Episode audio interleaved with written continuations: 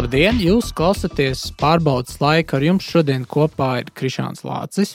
Labdien, Rēvis Zeltīts, sveiks, Krišjāns, sveiki, klausītāji. Mēs šodien eh, parunāsim par uh, diviem uh, lieliem tematiem, kurus mēģināsim eksperimentālā kārtā sapludināt vienā, jo īstenībā viņi tā dabiski pāriet viens otrā. Protams, parunāsim par Baltu vienību un par intermariju, šo ģeopolitiskās koncepcijas ideju, bet proti nu jā, par to, kā vispār Baltu, šī Baltu vienības ideja iet, iekļaujas lielākos nu jā, reģionālos, ģeokultūrālos tādos blokos.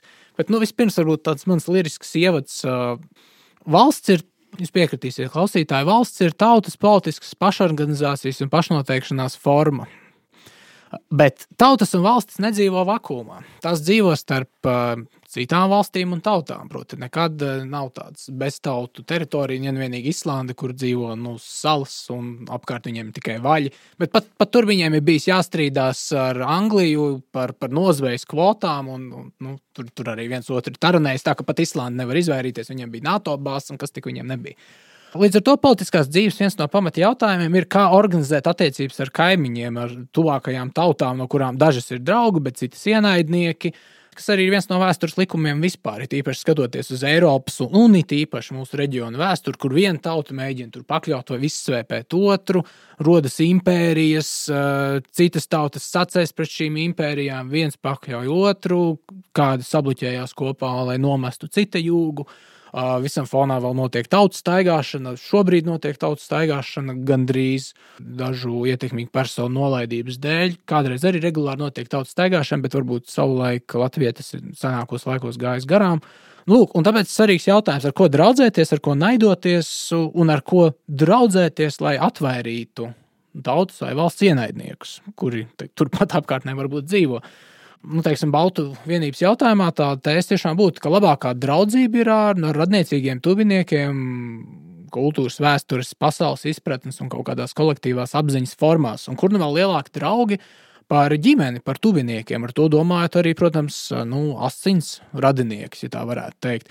Bet, nu, jā, tauta, kā jau mēs arī vairāk kārt esam runājuši, ir tāda paplašināta ģimenes un dzimtu kopības veids, ko vieno noteikts etnokultūrāls pazīmes. Un, ja mēs skatāmies apkārt, tad nu, tie, uh, uz kuru valodu tā paskatoties, mēs kaut ko varam saprast. Uh, tepat 100 km uz dienvidiem, nu, tur dzīvo tādi lietuvieši, kuri ļoti priecājas par latviešiem. Mēs paši reizēm tā kā viņus ignorējam uzskatām par nedaudz uh, austrumēropeiskiem, bet viņi ļoti priecājās, kad latvieši pie viņiem atbrauc.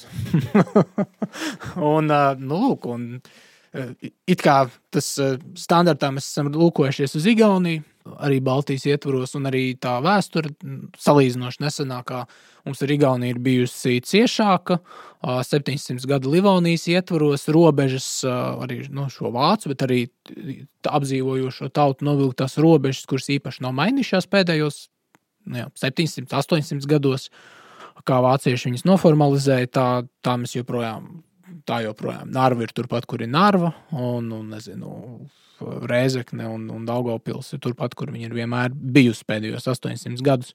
Nu, lūk, mēs vienmēr esam kaut kā skatījušies uz Igauniju un domājuši, kā mēs varētu visādi līdzināties Igauniem un, un, un kaut kā arī tā kultūrāli ir sanācis būt vairāk kopā ar Igauniem, jo tā kungu šķira bija vācieši un vāciešu kultūra ietekmēs latviešu. Un, uh, un igauņu kultūra un reliģija lielākoties arī ir bijusi līdzīga. Lutānisms, nu, ja Latvijas gadījumā neskaita latgali, nu, jā, tā vērstība ir kā uz Ziemeļa Eiropai vācisko telpu, bet nu, tomēr ir kaut kas, kas latviešiem vienmēr šiem mistiskajām saitēm ir nu, vedis tuvāk lietuviešiem. Par Igauniju arī tīri subjektīvi. Braucot uz Igauniju, uh, ir šī sajūta, ka tā ir tā pati kultūra telpa. Tieši ar uzsvaru uz kultūru. It kā valodas ir ļoti atšķirīgas. Par saknēm tur ģenētiķi spriež diezgan īstenībā esam radniecīgi. Jā. Ja tā paskatās, bet tik un tā sajūta ir, nu, iebraucot no vidzemes Igaunijā, ka nu, tā pati vidzeme jau tur turpinās. Tā ciemati līdzīgi, baznīcas līdzīgas, Tallinā. Viensēts. Viensēts, jā, Tallinā jūties eh, kā mazliet modernākā, bet nu, tomēr Latvijas eh, pilsētā, ja vien nedzirdētu visapkārt igauņu valodu. Līdz ar to nu, ir šī arī nu, tāda Baltijas identitāte, to nevar noliegt. Tīpaši kopš arī atmodas laikiem, kad bija šī kopīgā cīņa pret padomju režīmu. Bet, ja runājam par tautu kā paplašinātu ģimeni, tad šīs saknes ar lietuviešiem viņas tiešām ir dziļas, viņas ir kopīgas un viņas ir uh, nu, krustu krustiem augušas. Um, mums mazliet šo kopības apziņu varbūt traucē apzināties Nu, šī lingvistiskā distance tomēr ir pietiekami liela starp latviešu un lietuviešu valodām. Tās ir atsevišķas valodas, tie nav dialekti. Tā kopība ir apmēram kā vāciešiem un angļiem. Nu, kaut kur ir līdzības, bet ne tā, lai. Es teiktu, es teiktu ka uh, angļiem un dāņiem vairāk. Man liekas, kā vācu iespējams. Iespējams, jā. jā. Nu, par niansēm tur var diskutēt. Bet uh, nekā ziemeļvāciešiem un austriešiem, piemēram. Uh, bet, bet šīs saknes tiešām ir uh, kopīgas. Un, kas vēl varbūt traucē šo kopības apziņu, apzināties, ir uh, mūsu tā vēstures koncepcija. Mēs visi skolā esam skatījušies uz 13. gadsimta senlatvijas kārti pēdiņās, senlatvijas, un tomēr tā ir tāda šodienas projicēšana pagātnē. Mēs tur redzam aptuvenās Latvijas kontūrus, tad tur ir kurši, zemgaļi, latgaļi, lībieši, sēļi. Bet 13. gadsimtā pirms tātad, Livonijas nu, šī te telpa ir krietni atšķirīga. Tomēr ir jāskatās uz šīm baltu teritorijām, kurā kurši apdzīvoja gan Lietuvas, Latvijas teritoriju un bija radniecīgāki prūšiem. Zemgaļi arī dzīvoja tagadējās Latvijas, Lietuvas teritorijā un bija tuvāki žemaišiem sēļi, radniecīgāk latgaļiem, un tad ir divas tādas lielākas baltu ciltis, um, ledgaļi, leti, dažādi viņus var saukt. Tātad latviešu nācijas pamats, latgaļi un lietuvieši, leiši. Un šīs divas uh, ciltis kalpo kā vēlāk šo divu nāciju tāds pamats. Bet, nu, kā redzam, šī pārklāšanās uh, ir diezgan liela. Izveidojās Livonija un daudz šīs ciltis sadalas pusēm. Un, uh, Līdz ar to mums tās saknes ir nu, ļoti, ļoti tuvas. Nu, man liekas, arī, ja skatās īstenībā Latvijas-Lietuvas robežu, tad parasti tā, ka visādi geogrāfiskie veidojumi iezīmē tādas dabiskās robežas, un citur Eiropā kaut kādas kalnu grēdas vai lielas upes. Ir nu, nu, nu, tas, tā, nu, tās vienlaikus arī valsts un arī kaut kāda etnosa apdzīvotības areāls. Bet nu, Latvijas gadījumā, ja mēs skatāmies uz dienvidiem, tiešām šīs uh, nu, zemgaļi apdzīvo Lielupas baseinu, bet Lielupas baseins nebeidzās pie, nu, ja mēs šobrīd skatītos pie Žagares vai, vai nezinu, pie Tērvetes, un, nu, kur tur augstskalne, un, un, vai pie Bauskas. Lielupas baseins turpinās un iestiepjas vēl Lietuvā ar, ar, ar tas, tas sazarojošais tīmeklis, un, nu, protams, loģiski, ka zemgaļi tur tālāk arī dzīvo nu, mūsdienu Ziemeļlietuvā. Un, un, liekas, šis ir tas ļoti labi, ka tu pieminēji šo tieši tādu sadalītības faktoru, jo Nu, mēs iedomājamies, mēs domājam par lietuviešiem, un mums uzreiz nāk prātā nu, šī lielā tauta. Acīm redzot, arī pats Mindaugs ir bijis eh, vai ne lietuviešu mastautas vai sentautas pārstāvis, jā, jā. Un, un tad nu, viņš ir apko apvienojas uh, lietuviski runājošās šīs zemes. Bet uh, tiešām nu, tas, ko mēs arī aizmirstam lietuviešu sakarā, ka nu, cik lielu lomu ir spēlējuši uh, lietuviešu etnoģenēzē gan kurši, gan sēļi, gan zemgaļi, kurus mēs tradicionāli asociējam no sevi ar latviešiem, ka tie ir tie mūsu nu, etnogrāfiskie priekšteči. Uh, Un līdz ar to tiešām jāsacina, ka tā nu, bezmazliet lielākā latviešu un lietuviešu atšķirības zīme gluži vienkārši ir tas, ka mums nācās inkorporēt, brutāli izskaties, nācās inkorporēt lielu somuguru. Uh, nu jā, masu, lielu somu daļu. Teiksim, Latviešiem tiešām tā būtu piekdaļa no kultūras, piekdaļa no asinīm, piekdaļa no kaut kādas nu, ģenētiski īstenībā pat vairāk, nu, tieši tas, tas, tas šīs somugru. Uh, lībiešu, arī ziemeļkurzemes somugru asinis, kuras mēs sauc šobrīd par vendiem. Nu, jā, un tad, nu, tad tas mums kaut kādā ziņā atšķir, bet nu, tiešām valodiski, ja mēs skatāmies un, un, ja mēs paklausāmies, ja mēs skatāmies kultūrāli.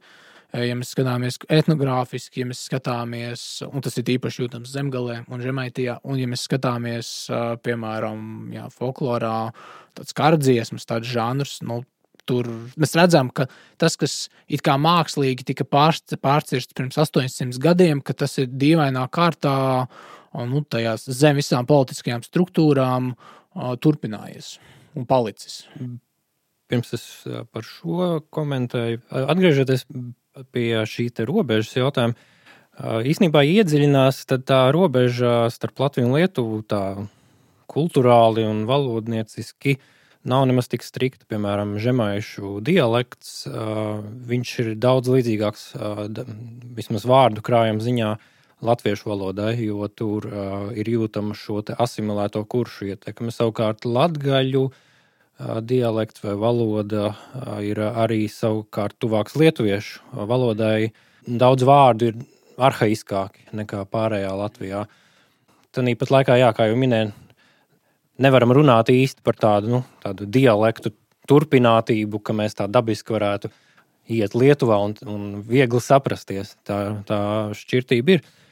Savukārt par, par šīm atšķirībām, manuprāt, lielākas tomēr ir šīs kultūrālās atšķirības, nevis uh, tik daudz šajā te, uh, somugru asimilācijā, kas bija vairāk Latvijā. Protams, tā ir ietekmējusi mūsu valodu, kas ir daudz tāda cietāka, kantaināka nekā lietuviešu valoda. Uzsvars uz pirmo zilbu arī. Jā, un, bet tomēr šī te, šie atšķirīgie kungi. Mums bija vācieši, mēs esam nācija uzaugusi vācu skolā, lietuvieši poļu skolā, ja tā var izteikties. Un, man liekas, tur drīzāk ir šīs mentalitātes, varbūt kaut kādas nianses. Un arī kultūra vide, jā, pilsētas viļņā iebraucot, nu, tur ir daudz izteiktāk šis baroks, šis katoliciskais Nu, tīri arī tā ģeotelpiski iebraucot Lietuvā, atkal mm, caur manu mīļo eh, žagari no augstkalnes, nu, brauc pa tērvetes novadu, un tur viensētas, nu, tipiski kā tāda latviešu, Latvijas lauka ainava, ar viensētām ciemiem, un, un, un tas standarta apdzīvotības centrs būtu, teiksim, mūžas centrs, kur ir, nu, baznīca, kroks, uh, nu, kaut kādi tur, tur vēl saimniecības ēkas un arī dažas dzīvojamās mājas, un tu iebrauc Lietuvā, un tur uzreiz uh, viss šī viensāta sistēma, viensāta ainava beidzās. Tur sākās ciemi, nu, krievu laikot, tas droši vien vienkārši tā arī saukt par sāģām, mm. bet tur ir ciemi, centrā ir milzīga katoļa baznīca ap ciemu, tirgus laukums, uh, žagarē uzreiz, un, un tā, un, un starp pilsētām tie pārbraucieni Lietuvā ir kāds ar tādu lielākoties tukšu ainavu. Uh, nu, kas, kas kontrastē baigi ar Latviju. Bet, nu, it īpaši, ja mēs braucam pa ziemeļu Lietuvu, tomēr tā sajūta ir, ka nu, tā ir zemgala, kas turpinās. Jā, jā. Tā kultūra ainava ir, uh, nu, mēs redzam, pilskalni vai ne. Apulis pilskalns, lielais kurš pilskalns uh, uz dienvidiem no kurzemes, uh, tīpaši arī nu, Žemaitija un arī Ziemeļlietuva. Un, un, un, un kas tik tur nav? Sidrabēns pilskalns gal galā netālu no Jonišķiem. Uh, Tas nu, ir tā sajūta, nu, ka tā telpa turpinās, ka, ka Latvija dīvainā kārtā turpinās. Nu, jā, nu, Atceramies, bija tādi arī kursanieki, kas dzīvoja kuršu nērijā, kas bija faktiski kuršu pēcteči, kas līdz pat 20. gadsimtam runāja. Nu, tur vēl valodnieki strīdās, vai tā ir latviešu valoda ar kuršu iezīmēm. Tur ir liels vācu valodas, protams, pieaugums, jo, jo tā bija daļa no Prūsijas vienā brīdī. Bet, Nu, Tātad burtiski kurš vēl kādu laiku arī turpinājās kā tāds atsevišķs tāds novirziens starp lietuviešiem un latviešiem. Tā kā, tā kā, jā, kā jau minēju, te, šo te robežu nevar novilkt tā, kā viņi ir kartē, tik precīzi. Bet nu, labi, nu, mēs te varbūt vienkārši ar romantismu nodarbojamies. Jo šīs nu, latviešu un lietuviešu lingvistiskā un etniskā radniecība tas ir tāds nu, vispār zināms fakts gandrīz jau gandrīz 200 gadus. Uh, kopš šis jautājums vispār ir sākts pētīt. Bet, nu, ko tas vispār nozīmē šodienai? Mēs zinām šodien Baltu vienības dienu, kad tas sanāk septembris vai ne? Septembrī pamats šai Baltu vienības dienai ir nu, mēs, mēs šodien to baigi izceļam, bet tā no modernā cilvēka skatu punkta skatoties, vienkārši kaut kāda 13. gadsimta kauja, kur zemgaļa kopā ar, ar žemēšiem vai ne? Jā. Kurš zemgaļa kopā ar žemaišiem sakāva zobembrāļa ordeni, nu, tad nu, dažādas šīs baltu centauts vai mastauts ir apvienojušās nu, par kopīgu ārējo ienaidnieku. Nu, labi, tāds skaists, romantisks, simbolisks datums, kas arī dažādi jau ir apspēlēts kopš jaunatviešu laikiem, un kaut kādu lomu ir spēlējis arī pie pie lietuviešu, pie jaunlietuviešiem 19. gadsimta. Bet, nu, ko tas nozīmē šodien? Kāpēc tas šodien vispār būtu svarīgi un relevanti? Šī, nu, šī baltu vienība nevis vienkārši kā tāds romantisks tāds fakts, nu, lūk, mums ir salīdzinoši tuvu radinieki visā lielajā, plašajā un arī pret mums baltiem naidīgajā pasaulē. Bet ko tas nozīmē vairāk? Tur ir jā, problēma zināma, ka tas mūsu panbaltisms nekad nav īsti izaudzis no šī romantiskā aspekta. Viņš nav pāraudzis politiskā prasībā un politiskā izpratnē. Protams, ir vajadzīgs šis mītiskais un kultūrālais pamats, lai, nu, lai šī apziņa dzimtu galu galā, lai, lai būtu šī kopības apziņa. Bet politiski vienmēr ir stājušies ceļā nu, tādi īstermiņa vai reāli politiskie apsvērumi Tā ideja, ka, ka būtu nepieciešama kopīga valsts vai autonomija, viņa īstenībā ir sena. Nu, mēs jau varam runāt par Kronvalda rakstiem, kur viņš pauž, jā, ka, ka jāapvieno visas latviešu zemes, un tur ieskaita arī lietuvieši interesantā kārtā. Pēc, pēc tam vēlāk arī Friedrichs Veinbergs. Bet interesanti, jā, ka Pirmā pasaules kara laikā ir tāda bērnu konference, kur, kas ir viena no pirmajām faktiski tādām valstisku, valstiskuma jautājumu konferencēm. Un tur gan Latvijas, gan Lietuvas pārstāvji lemj, ka ir jādalās, varbūt ne pilnībā jādalās, bet tātad Latvijai un Lietuvai nepieciešama autonomija no Krievijas kā kopīgai valstī. Un tur ir ķeniņš no Latvijas puses klāt, iespējams, vēl kāds. Līdz ar to šīs idejas politiskā prasība izskan Pirmā pasaules kara laikā. Ir arī tāds Jons Šļūps, ļoti aktīvs lietuviešu puses, tāds panbaltismu sludinātājs. Viņš šajā laikā ļoti darbojās, bet jā, līdz 1918. gadam, 18. novembrim, šī ideja tomēr neizkaro šo atzinību. Un tur ir arī praktiski iemesli Lietuva to brīdi skatās pat uz monarhiju kā iespējamu modeli ar tuvām attiecībām ar Vāciju. Un Latvija savukārt vēlās tieši pretējo. tālāk no Vācijas, tālāk no monarhisma. Un tas ir viens no tādiem klupšanas akmeņiem. Vēlāk, jau starpkara periodā, tur arī veidojās Latviešu lietuviešu vienības biedrība. Tur piedalās uh, Brainis, mūsu dzinieks, ģenerālis Balodis un citi augsti viesi, bet arī tas paliek tādā rezolūcija un politiska romantisma līmenī. Nu, tad jau okupācija, atmoda, te nu mēs esam. Kaut kā tā ideja vienmēr ir, vienmēr ir atbildījusies. Tad praktisko uh, argumentu ģenerālis Radziņš izteica 20. gados. Viņš, uh, viņš tā tad raksta, ka arī, ja mēs nonākam pie šī intermārījuma jautājuma, ja Baltijas Melnās jūras apvienības jautājumam, uh, tad nu, mēs atceramies, ka galvenais klupšanas akmens ir Polijas-Lietuvas konflikts par viļņu. Un ģenerālis Radziņš piedāvā apvienot Latviju un Lietuvu kopīgā valstiskā veidojumā, lai Latvija būtu kā tāds starpnieks šajā konfliktā starp Lietuvu un Poliju. Tā kā mums ar poļiem labas attiecības, mums nav ko dalīt. Un gal galā 5 miljonu valstī ieklausās vairāk nekā 2 miljonu valstī. Tad tāds pragmatisks, pragmatisks arguments ģenerālim Radziņam.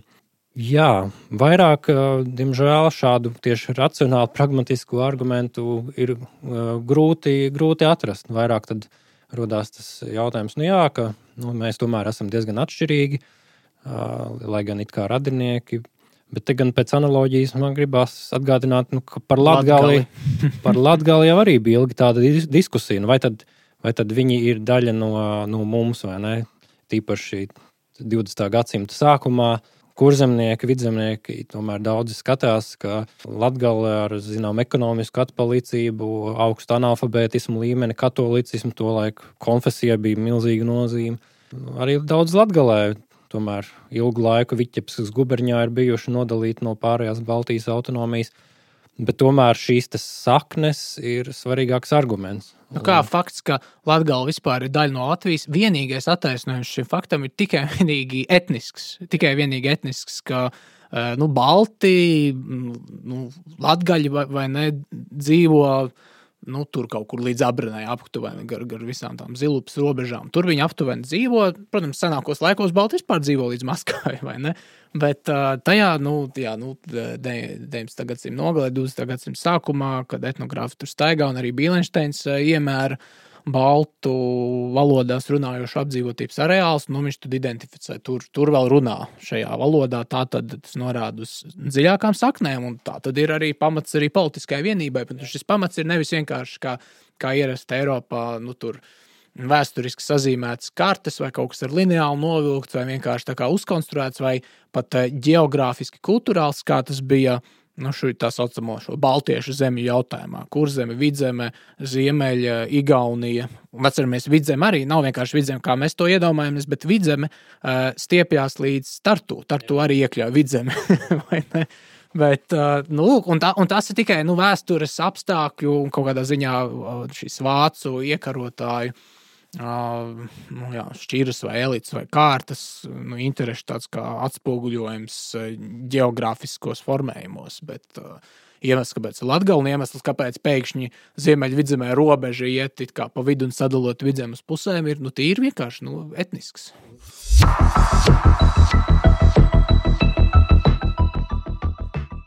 Jā, paplašinot šo etnisko jautājumu, protams, mēs nonākam līdz atziņai, ka uh, Mūsu dzimtene ir kaut kādā nozīmē arī plašāka, un, protams, nav runa varbūt tieši par tādu nu, mehānisku apvienošanu, ka tagad viena valsts obligāti ar, ar vienu iekārtu, bet nu, ciešāka kopība un politiska kaut kāda konfederācija no etniskā nacionālisma pozīcijām ir tikai loģiska.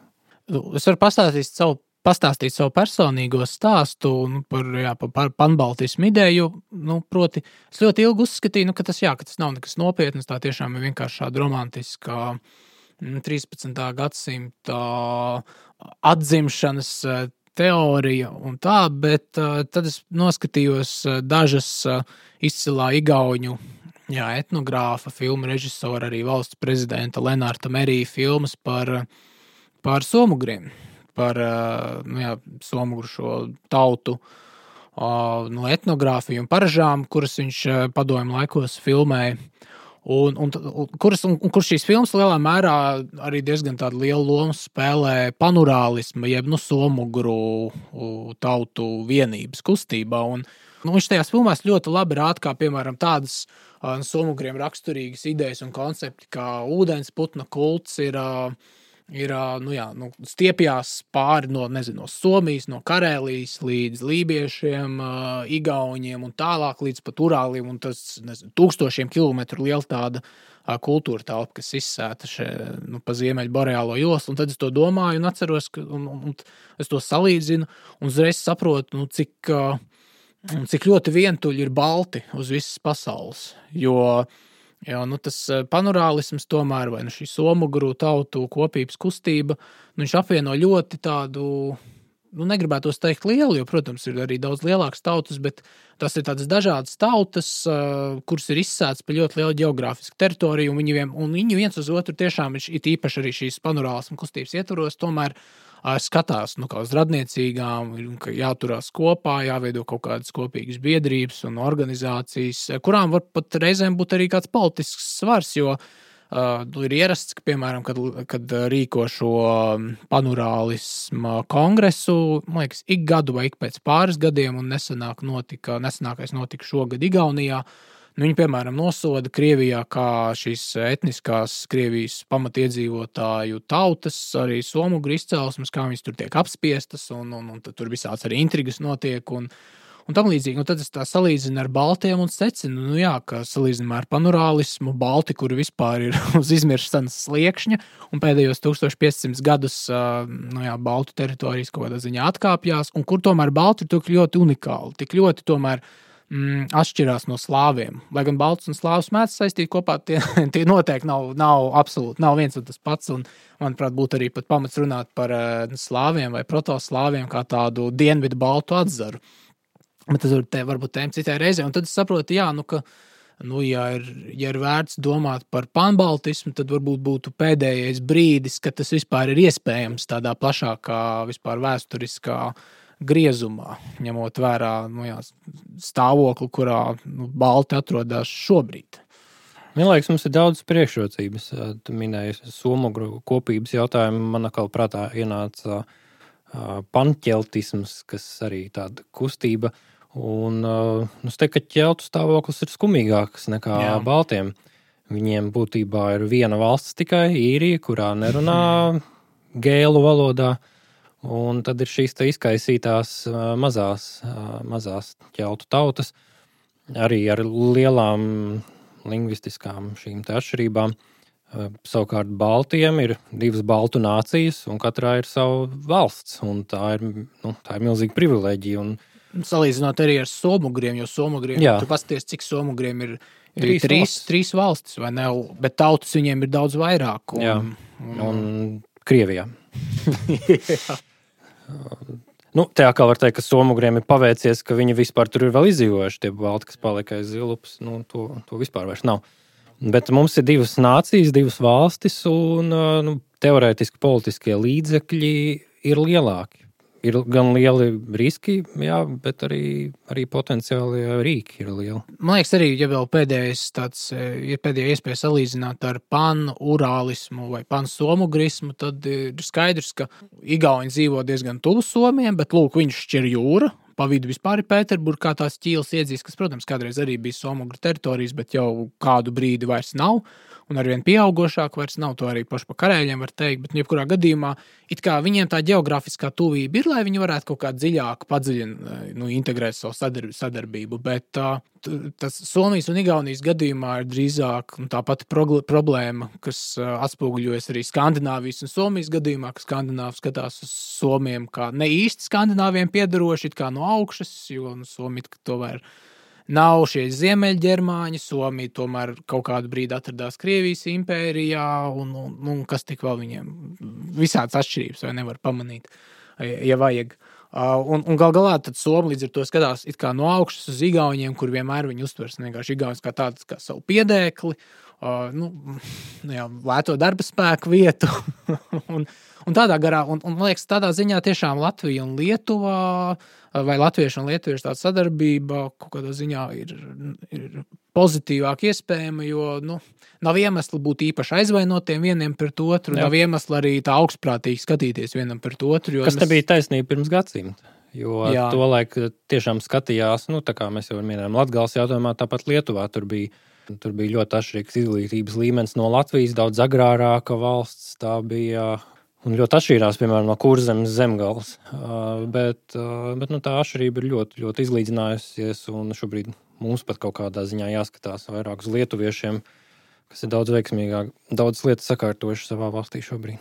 Nu, man liekas, tas arī tas lielais būtu bonus no sadarbības ar lietuviešiem, ka viņiem tomēr ir šī valstiskuma pieredze daudz senāka un jā, izvērstāka jā. nekā nekā Igauniem un nekā Latviešiem. Jo, ja mēs runājam par Lietuviešiem, tā ir runa tomēr par Baltu tautu, Baltu nāciju vai Baltu, nezinu, mastautu konfederāciju, kas ilgu laiku, pietiekami ilgu laiku uh, Eiropas vēsturē spēlējusi diezgan lielu un diezgan ietekmīgu lomu. Tā ir tiešām Baltu tauta, kas ir spējusi konsolidēt monarhiju, uh, savu var izplest, uh, nu, iekarot teritorijas, nostiprināt savus robežas, uh, veidot savienības. Uh, audzināt savu nezinu, kultūras eliti. Lietuvieši, protams, viņi vēlāk pārpuļojās, bet nu, tie tomēr bija pēc izcelsmes etniski lietuvieši. Uh, nu, jā, veidot arī savu garīdzniecību, kas arī, protams, latviešiem nebija iespējams dēļ šīs nu, jā, nu, etniskās uh, nodalītības. To arī mēs šodien redzam, ka šī valstiskuma ideja vai vispār Lietuvas kā valsts ideja, un nu, arī pats Lietuvas vārds, tūkstoš gadus vecs, tas kaut kādu lomu tomēr spēlē uh, Lietuvā, lai vai cik eh, viņi būtu nabadzīgi no rietuma Eiropas skatoties, un lai cik viņi būtu tādi austrumēropeiski ievirzīti nu, no latviešu skatu punktu, jo mēs atceramies, ka latvieši vienmēr skatās uz Ziemeļa Eiropu. Tomēr tā pietāta vai cieņa rodas tiešām dēļ šīs viņu nu, jā, garās atmiņas. Tas arī veido nacionālo raksturu, un tas ir lietuviešiem, es domāju, noteikti krietni palīdzējis. Jo atceramies Ulmaņa laikā, domāju, Kārla Ulmaņa, protams, Ulmaņa laikā tad, tika meklēti nu, šie valstiskuma piemēri Latvijas senatnē. Tad, nu, viņi bija ļoti aiz matiem pievilkti. Tur bija Hercoga jēkabā piemērs, kā Umaņa priekšgājējs, kas ir, nu, tur ir ļoti fantāzija jāpielieto, vai nu, ķēniņš namēs, kas savukārt jau ir vēl senāki laiki, un tā ir tomēr viena no ciltīm, nevis visu Latviju apvienojošs spēks, kā tas bija Lietuvas gadījumā. Un lietuviešiem ir jā, šī valstiskuma apziņa, un tas gal galā šobrīd hibrīd karā, kas ir galvenais tāds viens no uzbrukuma mērķiem, tas ir atņemt šo apziņu, ka mums pienākās sava valsts, ka mēs to spējam pārvaldīt, ka, ka tā ir izdevusies. Un, Un šeit šī lietuviešu pier, valsts vēsturiskā pieredze, nu, viņiem ir krietni, krietni tāds liels bonus. Labi, bet kā tu iedomājies tiešām šodien, tīri praktiski, kā Baltu vienība varētu izpausties nu jā, institucionālā, kaut kādu struktūru, kaut kādu sadarbības platformu un arī nu jā, nu, politiskas ietekmes veidolā. Nu, nu, nu, kas ir tas, ko, jā, no vienas puses, kas ir tas, ko Baltu vienības labā var darīt šobrīd, un, un, un otrs, protams, jautājums ir, nu, kā tas varētu izskatīties. Te var runāt noteikti par dažādiem modeļiem, un, bet jebkurā gadījumā darbībai ir jābūt vismaz divos līmeņos. Viens šis kultūrālais vai metapolitiskais, un otrs ir šis tīri politiskais. Un kurš, kurš ir pirmais un kurš otrais, nu, droši vien kā bija reizē. Ja runājam par šo kultūrālo, tad ir nu, pilnīgi skaidrs, ka mēs vienkārši nezinām, kas notiek Lietuvā. Bieži vien mēs esam tuvākās tautas, bet mūsu informatīvajā telpā mēs to nejūtam. Un, nu, šeit ir nu, daudz iespējamu variantu, vai tā ir kaut kāda mediju sadarbība, kopīgs varbūt mēdījis, galu galā arī valodas prasmes. Ir bijuši priekšlikumi, man, manuprāt, tas bija Nacionālajai apvienībai, vismaz kaut kur tas ir izskanējis par to, ka pierobežā būtu tomēr jāmāk šī kaimiņu valoda, un šī pierobežu pašvaldību sadarbība. Ir arī Latvijā tāds koncepts kā Dvīņa pilsētas vai pilsētas māsas, un šī savstarpējā pilsētas sadarbība. Nu, īsāk sakot, ir nu, jāsajūdz šīs dažādas jomas, kamēr nu, šī apziņa par kopību arī nostiprinās. Tad ir savukārt politiskais jautājums, tur ir jārodās šai pragmatiskajai nepieciešamībai. Jo kā tika izveidota Eiropas Savienība savulaik, tika izmantots ekonomiskais moments, šī ogļu un tērauda savienība. Apzinoties, ka Eiropas vienības ideja nu, nedzims un nepārtaps realitātē tikai aiz ideālismu, ka ir jābūt ekonomiskam kaut kādam izdevīgumam vai politiskam. Nu, dzelzceļš mums iet uz Lietuvu. Jā, nu ar dzelzceļiem varētu nepietikt. Iespējams, tas ir drošības jautājums, jo tīpaši šobrīd hibrīd karā mēs saprotam, ka mēs ar lietuviešiem esam vienā faktiski frontē pret Baltkrieviem. Un, jā, un ir interesanti, ka, piemēram, Lietuva spēja ātrāk sakārtot šo robežu par Latviju. Un, uh, man nebūtu nekas pretī, ja Lietuvas iekšlietu ministrijā uzņemtos jā, jā. mūsu zināmas. Nu, nu, varbūt, jomas, tur, at, nu, varbūt tur savu lomu atkal spēlē. Lietuvas vēsturiskais valstiskums un ko nozīmē valstiskuma apziņa. Valstī ir robežas, kur ietvaros šī valsts vispār spēja funkcionēt, tauta spēja pašorganizēties un pašnoteikties. Un, nu kā, lai vispār valsts būtu valsts, nu, jābūt robežām. un, un, protams, jūs, nu, man liekas, diezgan labi varētu novilkt tādu korelāciju, jo stiprāk valstiskuma apziņa, jo cilvēki vairāk spēka veltīja robežu sargāšanai, Jā. manuprāt. Bet, bet jā, nu, tā mana doma bija, ka arī kopīgi draudi var būt faktors, lai apvienotos. Bieži tā tas vēsturē ir bijis. Uh, Un, nu, šobrīd nav noliedzams, ka mums ir kopīgs pretinieks. Nu, protams, arī ar, ar poļiem, bet uh, mums ar lietuviešiem, kā divām nu, samērā nelielām nācijām, ir daudz dabiskāka šī nepieciešamība kopīgi sadarboties. Poļi tiks galā, viņi ir 40 miljoni. Uh, mums ar lietuviešiem tomēr šajā gadījumā būtu vairāk jārunā savā starpā, galu galā jāsadarbojās. Un drošība varētu būt viens no tiem momentiem, kas veicina šo savstarpējo sadarbību. Drošības argumentu mēs esam gandrīz pietuvinājušies intermarijam, bet es gribēju vēl iestarpināt vienu tādu praktisku ideju, kā nu, varētu tiešām veidot un tā institucionāli nostiprināt Baltu kopību. Proti, jā, mums kādreiz Latvijā tiešām nu, atjaunojās, vai nostiprinās, vai padziļinās demokrātija, kas vismaz, nu, manuprāt, satversme diezgan demokrātiska. Un, ja mēs šīs demokrātisko garu pārtulkojam uh, likumu burtos, uh, dažādu administratīvu un teritoriālu reformu ietvaros, un ja mēs tiešām teiksim, iedodam kādreiz lielāku varu pašvaldībām, uh, manuprāt, tas uzreiz nozīmētu nu, ka pašvaldības brīvāk varētu nu, rīkoties uh, tiešām kā tādi autonomi veidojumi. Ko, nu, protams, Latvijas gadījumā tas ir risks, bet nu, pie Lietuvas pašvaldību gadījumā tas nozīmētu, nu, piemēram, tie, padziļinātāku dažādu pakāpju, dažādu līmeņu sadarbību starp uh, novadiem vai šīm pašvaldību uh, struktūrām. Nu, nezinu, tur Dobels novads sadarbojās ar, nu, kas viņiem tur ir, jaunakmeni.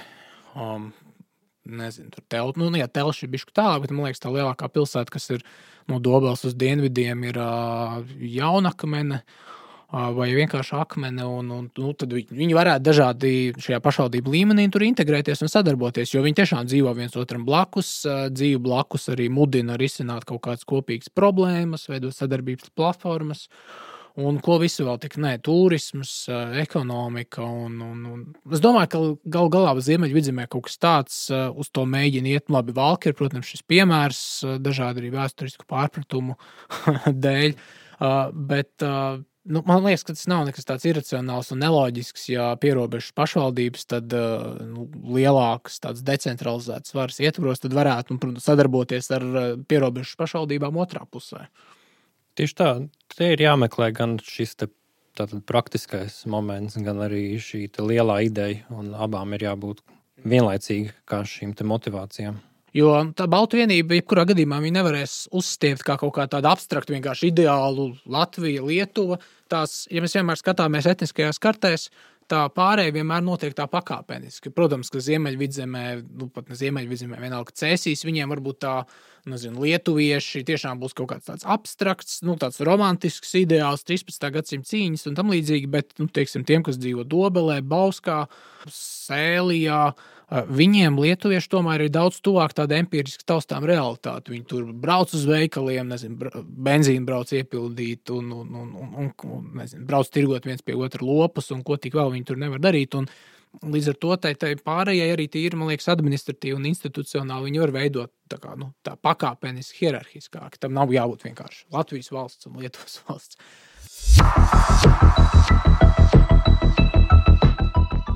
Protams, eh, drošības faktors. Mēs runājam par draugiem un draugu meklēšanu tuvējā apkārtnē. Vislabākie draugi mēs konstatējam, varbūt eh, radinieki, lietuvieši.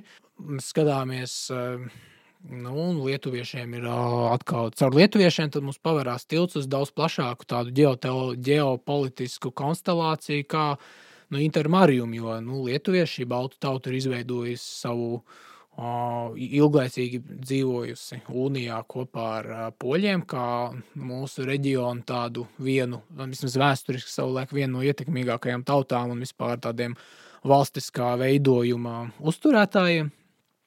Un kurš ir bijis pietiekami suverēns, lai varētu uzdrošināties veidot savus vispār ģeotelpiskas un ģeopolitiskas kaut kādas vīzijas, konstelācijas. Un tad mūsu reģionam tas, ko poļi savulaik ir piedāvājuši, un atkal poļi kā šī tauta, kas gal galā negrib būt ne vācieši, viņi negrib būt krievi.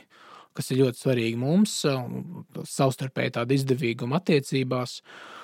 Nu, viņi ir piedāvājuši šo intermariju ideju.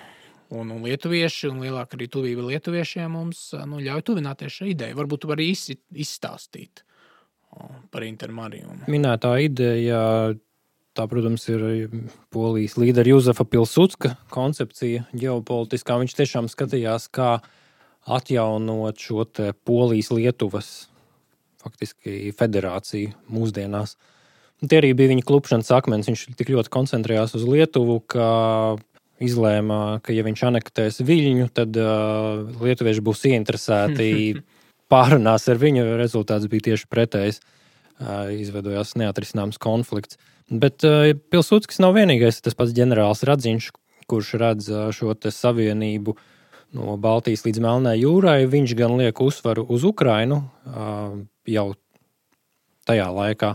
Jā, galu galā arī karojas Ukraiņas pusē, līdz ar to iepazīstina šo valstu. Viņš, viņš redz šo Ukraiņas izšķirošo lomu kā ar šo lielāko potenciālu. Ja Ukraina tā tad ir brīva, tad Krievija vairs nav impērija, un šis apvienotais spēks ir tāds, ka Krieviju uh, var iegrožot. Un tad ir Ukrāņiem arī Jurijs Lipa, domātājs, kurš, kuram arī ir sava koncepcija. Tā kā šīs domas pirms gadsimta ir, un viņas balstās nenoliedzamā ģeopolitiskā loģikā, ka starp Vāciju un Krieviju vai Padomju Savienību ir daudzas mazas tautas, un tikai apvienojoties un kopīgi rīkojoties, viņas var saglabāt savu brīvību. Un vēsture to tā arī apliecina. Ko līdz šī Vācija vai Krievija kļūst stiprākas un vēl apvienojās, tad arī um, zūd faktiski šīm asins zemēm, kā, kā tās arī sauc, zūd brīvība. Nu, protams, ir loģiski, ka šī ideja tādā vai citādā veidā atzīst šobrīd, ņemot vērā Krievijas revanšismu, Krievijas un Vācijas arvien uh, draudzīgākās attiecības. Um, Nevis gluži kā varbūt Molotov-Ribbentropa pakts, bet tik un tā ekonomiskas rīcības ar ģeopolitiskām sekām un arī drošības sekām. Un, un, protams, intermārījuma vārds atkal, atkal atskan. Viņš atskan Polijā, Ukrajinā, dažādo Lietuvā, dažādos jaunos formātos, kā Triju jūru savienība, Višagrads četrnieks, Ljubļinas trīstūris. Tas ir tikai loģiski un dabiski, un tur nav Tur nav jāsatraucās par, par kaut kādu ceturto reihu, kā tur satraucās Rebaltikas padomnieki no Maskavas vai, vai kaut kā tam līdzīga. Bet tas sanāk, ka vienīgais, kas vieno intermariju un kā tādu plašāku ģeotelpisku telpu ir vienkārši kopīgs ienaidnieks vai kopīgi ienaidnieki. Un tad vēl, nu, protams, šīs drošības intereses, ne tik daudz kaut kādas tiešām pirmajā brīdī varētu šķist ne tik daudz kaut kāda kultūras vai etniskā vienotība. Ja mēs paskatāmies, tā, tā etniskā ir ļoti raiba. Intermariju, nu, Balti, Slāvi un, un kas tur vēl, nu, mēs pieņemam, paņemam klāt Igauņus, Somugri, protams. Nu, Ungāri.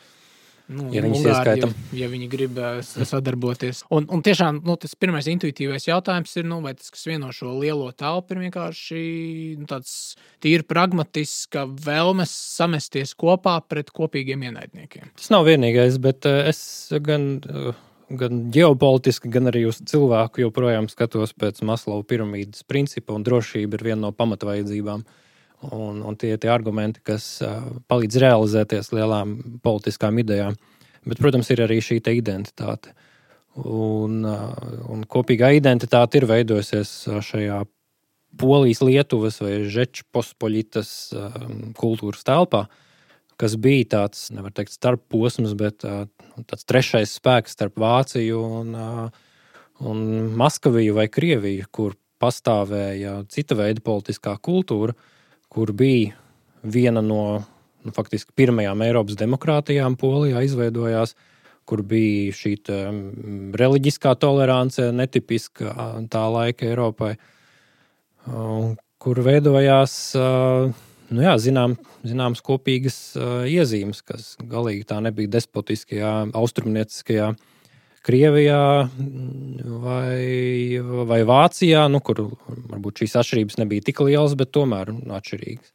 Man liekas, ka, man liekas, ka Baltu vienības sakarā ir svarīgi tieši norādīt, ka nu, jā, gan Žets pospoļītas ietvaros, gan nu, kaut kāds iespējams nākotnes intermarījuma savienības ietvaros, tur nu, prot, parādās tieši šis jā, reģiona multikulturālisms, jo jau, jau agrīnā Lietuvas lielkunigaitija Tā ir tāda nu, multikulturāla valsts. Tur dzīvo jā, šie balti, dažādi, kas tajā brīdī vēl joprojām vēl ir nu, lietuvieši, kurši zemgaļi, kur tiek jāatvingi, kuri tiek pamazām integrēti. Un otrs puses mēs skatāmies uz austrumos, uz inkorporētajām bijušajām Kievas krievzemes zemēm. Uh, Nu, tur dažādi slāvi, dažādas arī reliģijas, vispār pagānisms vēl 14, vēl 14. vai pat 15. gadsimtā ar visu žemaišu pievienošanu. Tā, tieši šie tādi etnokulturālie bloki, kuriem kaut kādā ziņā ļauj dzīvot nu, mierā pašiem par sevi, vai nu, vēlāk tie, nu, tas jau ir Krievijas impērijas laikā, no ebrejiem arī ļauj dzīvot pašiem par sevi. Un, kas, manuprāt, ir nu, jā, šīs intermarījuma telpas tā kā priekšrocība, nu, tad Baltiem, teiksim, savs tur kaut kāds kultūras tāds areāls un pastāvīgs areāls, kas neizbēgam paredz, ka šī visa telpa ir jāorganizē kaut kā tā federatīvi, nedaudz decentralizēti, proti, nu jā, kaut kādas kopīgas militāras struktūras, kopīgas aizsardzības, nezinu, vienības vai robežu būves un apsardzības vai kopīga ārpolitika, bet, nu tad, kā jau tādos federatīvos geotelpiskos veidojumos, nu, tad, nezinu, tur reģioni un vietvaras un, un, un kaut kādi dažādi tur etnokulturālo kopību bloki, nu, tad viņi tur dzīvo paši par sevi, bez, kā jau, kā jau raksturīgi Krievijai, bez tādas dzelzceļa dūris, kur tad mēģina visus apvienot un asimilēt un pataisīt, piemēram, tatārus vai tos pašus nabaga somugrus par uh, Rosijaņiem, kā pa viņiem, kā pa viņiem runā. Jo es tieši, tieši redzēju šo tādu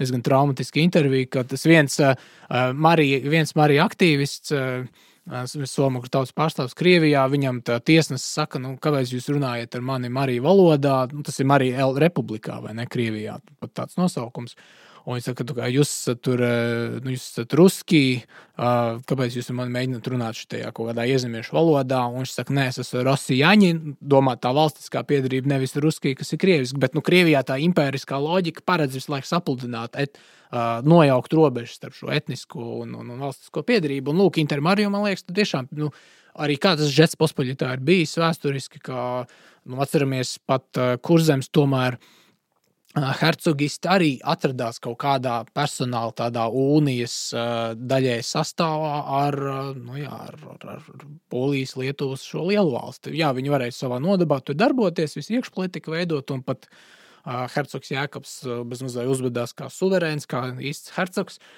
bet nu, viņiem tomēr kaut kādas tāds federāla rakstura attiecības ar ar, nu jā, ar, ar Poliju Lietuvu. Minēju pāris vārdus, kas man liekas, klausītājiem izklausās varbūt mūsdienu kontekstā citādāk. Multikulturālisms, federācija. Jā, es, es to drīzāk neraksturoju kā multikulturālismu, jo tas ietver mazliet kaut ko citu mūsdienu izpratnē, bet nu, tād, tādas etniskās autonomijas. Um, ne tikai etniskās, arī politiskās autonomijas, eh, savstarpējs eh, respekts bija tas, kas to visu saturēja. Un ko līdz eh, poļi sāka pārāk arī dominēt šajā savienībā, tas arī bija viens no klupšanas akmeņiem. Arī, arī tāpēc lietuvieši pēc tam nevēlējās nekādas uh, ciešākas attiecības ar, ar Poliju. Arī agrāk viens no iemesliem, kāpēc vispār Ukraiņa nonāk Krievijas paspārnē, ir nu, tāpēc, ka poļi pārāk cieši uzspieda jā, jā. uz Ukraiņiem. Savukārt, ja veidojās kaut kāda kopība, kur ir piemēram ukrāņi un poļi vienlaicīgi, tur jau divas lielas nācijas vienu otru līdzsvaro. Un, un šis līdzsvars, savstarpējā cieņa, kas principā ir tādas rietumu kultūras vērtības, un tas ir arī tas, kas to visu var saturēt un nenovest līdz kaut kādai vienas nācijas dominancei. Man liekas, svarīgi nu, arī vēsturiskos ekskursos skatoties, kāpēc par intermariju ir vērts domāt un apsvērt šodien. Ir tā tīri pēc vēsturiskās loģikas, ka mēs skatāmies, šim reģionam ir gājies salīdzinoši labi, kad Krievijai ir gājis slikti. Un Krievijai ir gājis slikti tajos vēsturiskajos periodos, kad, nu, piemēram, nu, jā, Polijai, Lietuvai ir klājies samērā labi. Jo, uh, Nu, mēs atceramies, nu jā, Krievi jau, jau no, faktiski, jā, jau no 16. gadsimta sākuma mēģina tā tuvējās valsts pakļaut, bet nu, vien, vienlaikus tas spēka līdzsvarotājs tomēr ir Polija, Lietuva, kas dzīvo blakus tā, ka Krievija vai Maskavija tajā brīdī nevar pārāk daudz atļauties. Un tas, man liekas, ir šī nu, multipolārā, multipolāras starptautiskās kārtības viens no tādiem nu, bonusiem vai labajām lietām. Nu, nevis kā nu, standartā iedomājamies, kāds bija augstajā karā, ir divi milzīgi geotelpiski bloki kas ir vienlaikus arī aizsardzības, bet arī ideoloģiskie tādi bloki, kuri viens pret otru, un tad tā destabilizācija ir diezgan globāla un vispārēja. Tur kaut kāda subversija, pilsoņu kari viens pret otru, kā tas augstajā karā notika un tam līdzīgi. Un, uh, tas būtu viens, un kaut kādā ziņā viņi viens otru tā stabilizē, bet nu, tas ir diezgan bīstami, ja spēks tiek uzkrāts vienkārši divos vienādojuma elementos. Un ja varam iedomāties, kā tas ir, teiksim, ja ir tikai viens vispār vienādojuma elements, kā nu, 90. gados kādu brīdi vienkārši gāja runa, tiešām ASV ir absolūtais globālais hegemons un par kaut kādiem citiem ģeotelpiskiem tādiem blokiem vispār nav pat vērts runāt un iedomāties. Tad šobrīd neizbēgam tā virzība ir uz multipolāru pasauli, kur ir nu, dažādas, dažādas, nu, jā, dažādi šie lielie tādi uh, ģeotelpiskie bloki, ir nezinu, Ķīna, kur savā starpā konkurē, protams. Un, un, un 19. gadsimtā šī dažādu lielo ģeotelpisko bloku konkurēšana, protams, noved pie Pirmā pasaules kara, bet vienlaikus ir, man liekas, es teiktu, ir lielāka iespēja uz tādu savstarpēju līdzsvarošanos. Un tas šobrīd arī, nu, labi, ASV ir tāds kā norietošais hegemons, kas nozīmē, ka nu, vis kaut kur pēkšņi no izsprāgst kurmju galvas lielajā pasaules dārzā, tad Turcijā savu bijušo kultūru telpu piesaka kaut kādas pretenzijas, Krievija, protams, uz savu bijušo telpu, Ķīna, nu, Amerika vēl joprojām kaut ko mēģina, tad vēl ir islāma pasaule, un tad pasaule pēkšņi sāk izskatīties pēc tāda raiba deķa, kā savulaik Samuels Huntingtons to arī nu, mēģināja iezīmēt tādi lieli kaut kādi ģeokulturāli bloki, kur tad savā starpā dažādi berzējās, bet vienlaikus arī iet iekš, iekš savā iekšēnē mēģina kaut kā nu, konsolidēties, un, nu, es nezinu, intermarium tad arī šeit parādās kāda iespēja, bet tas pirmais jautājums būtu nu, no naivā klausītāja, nu, labi, kāpēc uh, Intermarium nevis Eiropas Savienība? Jā, nu, tur bija ļoti daudz momentu, kurus varētu izvērst. Ja runājam par šo unipolāro pasaules kārtību ar Amerikas, nu, faktiski, var teikt, impēriju, lai gan viņi kautrējās sevi tā saukt, tad tomēr tā ir bijusi kārtība, kas mums ir bijusi ļoti izdevīga daudzos aspektos. Uh, Līdz ar to nevajadzētu arī pārāk zāģēt to drošības zaru, uz kura mēs šobrīd sēžam. Proti, nu, 30 gadus mēs esam bijusi neatkarīga valsts, lielā mērā tāpēc, ka bija šī Amerikas izveidotā kārtība, un par laimi mēs paspējām laicīgi iestāties arī NATO. Diezgan skaidrs, ka ne franči, ne vācieši nu, neskatās uz mazajām nācijām ar šo amerikāņu demokrātisko pienākumu sajūtu kā, kā, kā to tātad amerikāņi skatās uz mums. Vienlaicīgi nu, šī pārēja uz kaut kādu multipolāru kārtību, tas nav jautājums, patīk vai nepatīk. Tā ir kaut kādā ziņā realitāte un vienkārši jāsaprot, kā, kā tai pielāgoties. Un es nedomāju, ka tas būs nu, tā pārēja būs tā, ka nu, bija viens un tagad ir otrs. Tas, tas ir tāds pārmaiņu process nu, viens no tādiem momentiem ir dažādi politiski, ekonomiski un citu formāti, kas pastāv vienlaicīgi. Eh, skaidrs, ka Amerika arvien vairāk skatīsies uz Ķīnas jautājumu, jo Ķīna ir galvenais Amerikas ģeopolitiskais konkurents. Un vienlaicīgi ir Krievija, kas nu, ar daudz mazāku iedzīvotāju skaitu un ekonomiku tomēr mēģina parādīt, ka viņi arī ir Amerikai vienlīdzīgs konkurents kā Ķīna. Un dara visu iespējamo, lai izceltos visādi mums par nelaimi. Un tad ir jautājums jā, par Ameriku. Kā tā var savus resursus pārdalīt šajā jaunajā realitātē, kur, kā jau vienā no iepriekšējiem redzējumiem arī minēju, nu, pēc otrā pasaules kara Amerika viena pati sastādīja apmēram 40% no visas pasaules koprodukta. Nu, tādu ekonomisko jaudu tu vari uzstādīt savus noteikumus un, un un konkurēt globāli daudz vairāk nekā tas ir šobrīd Amerikai. Tas, kas drīzāk šobrīd ir jāskatās, kā mēs varam radīt šos win-win modeļus, kur mēs paši vairāk uzņemoties kaut kādu atbildību, vienlaicīgi atslogojam Ameriku no visas pasaules politiskas lomas, protams, saglabājot tos formātus kā NATO kas joprojām ir galvenais atturošais spēks attiecībā uz Krieviju. Nu, tradicionāli mūsu reģionā šī anglo-sakšu vai anglofonā interese vienkārši ir izpaudusies kā spēku līdzsvaru iedibināšanas interese. Jo nu, kādreiz, piemēram, ir šīs īpašās tādas Anglijas-Polijas attiecības savulaik bijušas, nu, kāpēc arī vispār visa epopeja ar Otro pasaules karu tā izvēršās. Uh, Uh, bet arī no angļu teiksim, īpašās intereses arī mūsu reģionā. Bet, nu, kāpēc? Lai vienlaikus uh, līdzsvarotu uh, šo reģionu, arī ar pašas Anglijas pozīciju gan pret Krieviju, milzīgo Krieviju, gan arī, protams, pret tajā brīdī Vāciju. Un es teiktu, nu, ka šobrīd tas nu, izdevīgākais, ko Intermarijam var piedāvāt citiem ārējiem spēkiem, ir nu, nezinu, sadarbojoties ar Atlantijas bloku, nu, tad būtu kā kaut kādiem nu, spēku līdzsvarotājiem pašas Eiropas iekšienē. Kā savulaik tā, tā bija nevis Tečera, bet uh, Kā sauc to autoru, kas uzrakstīja lielo grāmatu par demokrātiju, ASV augstā kara? Tas jautājums bija, nu, kad es zvanu Eiropai, kam, kā, kam es zvanu uz Eiropu? Kurš jā. ir, kurš ir Eiropa? Jā, jautājums. kurš ir Eiropa? Jā. Un, nu, protams, dažādi tur Vācija kaut ko mēģina pieteikt, Francija mēģina kaut ko pieteikt, bet, nu, Kisingers. Jā, Kisingers tas bija. Jā, nu, jā un ka, kam zvanīt uz Eiropu? Un tad, teiksim, nu, lūk, ir vēl bez Vācijas un, un, un, un Vācijas vai Anglijas vai Francijas, tad, nu, ir atsevišķi atsevišķs vēl vesels tas ģeopolitisks bloks. Jā. Kam zvanīt uz Intermariju? jā, kam zvanīt uz Intermariju. Uh, nu jā, bet galu galā, kāpēc Intermariju nevis Eiropas Savienība? Jo Eiro, Eiro, Eiropas Savienības tas uh, optimistiskais mērķis, kāpēc viņi tika radīta, nu, bija, nu, lai būtu sava tāda vienota ģeokulturālā, arī ekonomiskas sadarbības kopiena, uh, kura nav ne it kā Krievijas vai tajā brīdī Padomju Savienības paspārnē, ne arī pilnībā tur, nezinu, amerikāņu globālo interešu apkalpotāju. Un tad mēs redzam, uh, nu, teiksim, arī tie vācieši vai, vai, vai tie franči.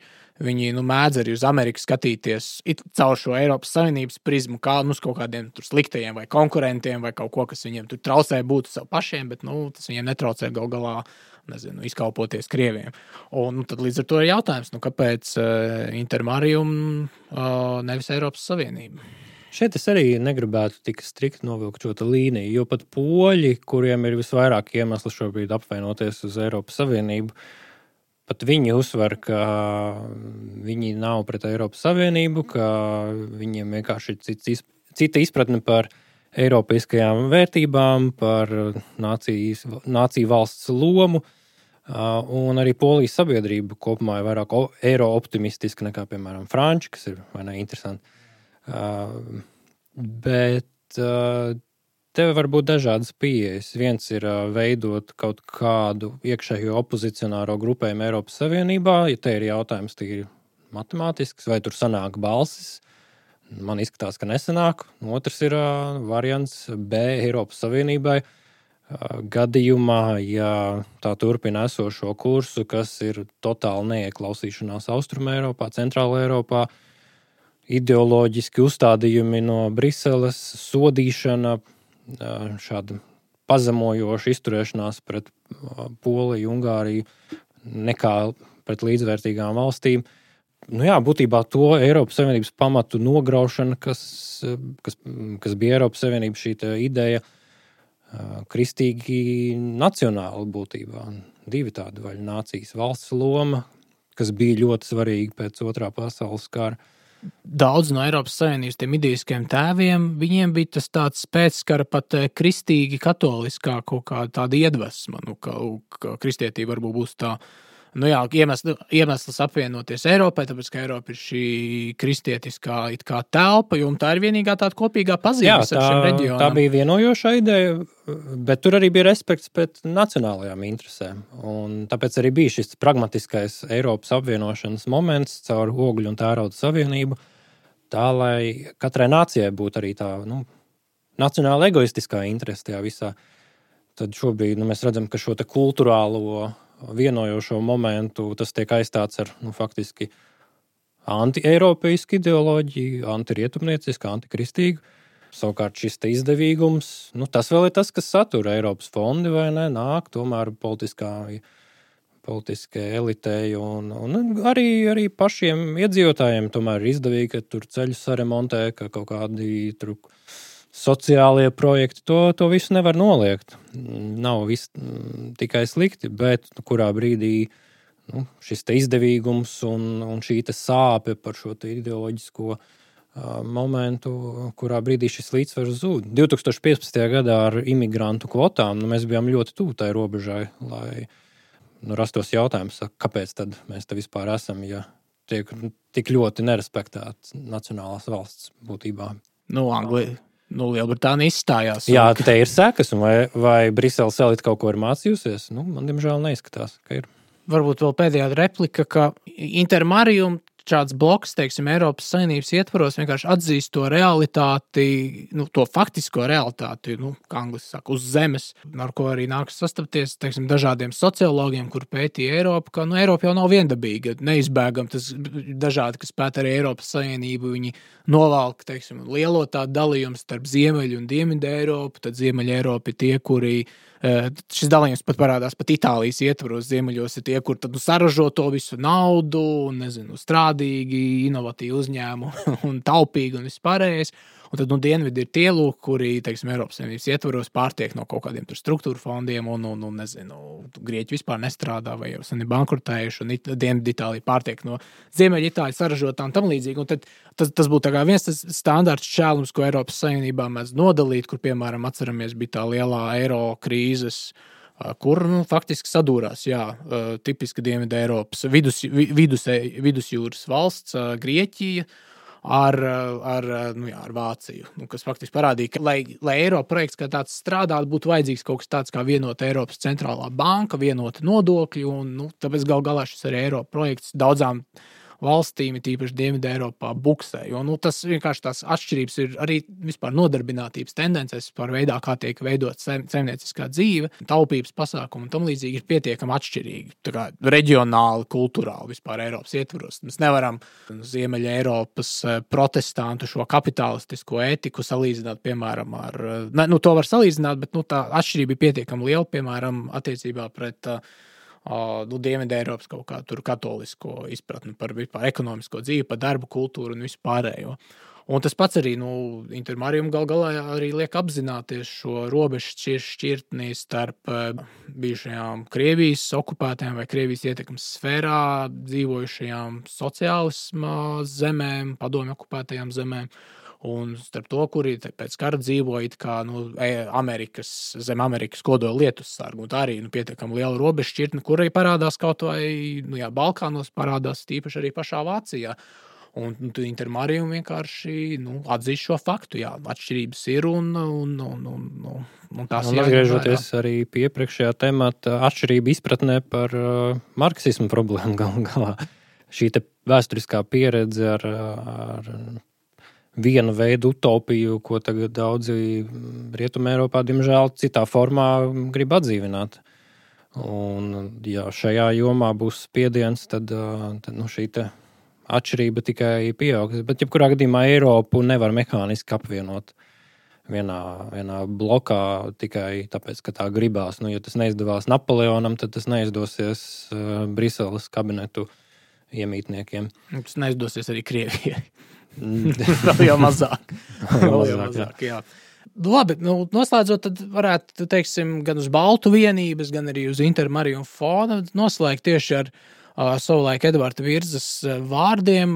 Viņš tā ļoti jūsmīgi vienā no savām apcerēm tēlo jauno šo Eiropas valstu un Eiropas tautu lomu vispār uz, nu, nu, uz, uz visu tā brīža, teiksim, 1920. gada konstelācijas.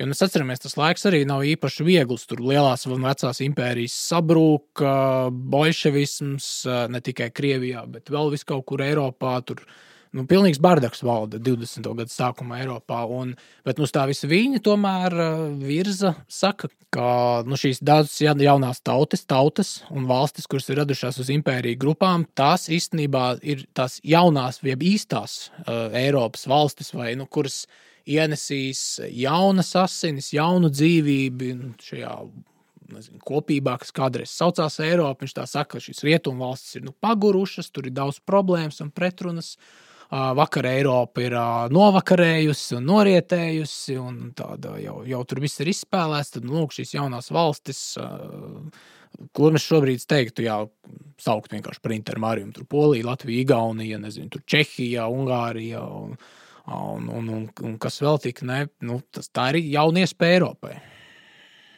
Man nav ko papildināt. Jā, ar jums šodien kopā bija Krišāns Lācis, Raivis Zeltīts, un jūs klausījāties pārbaudas laiku.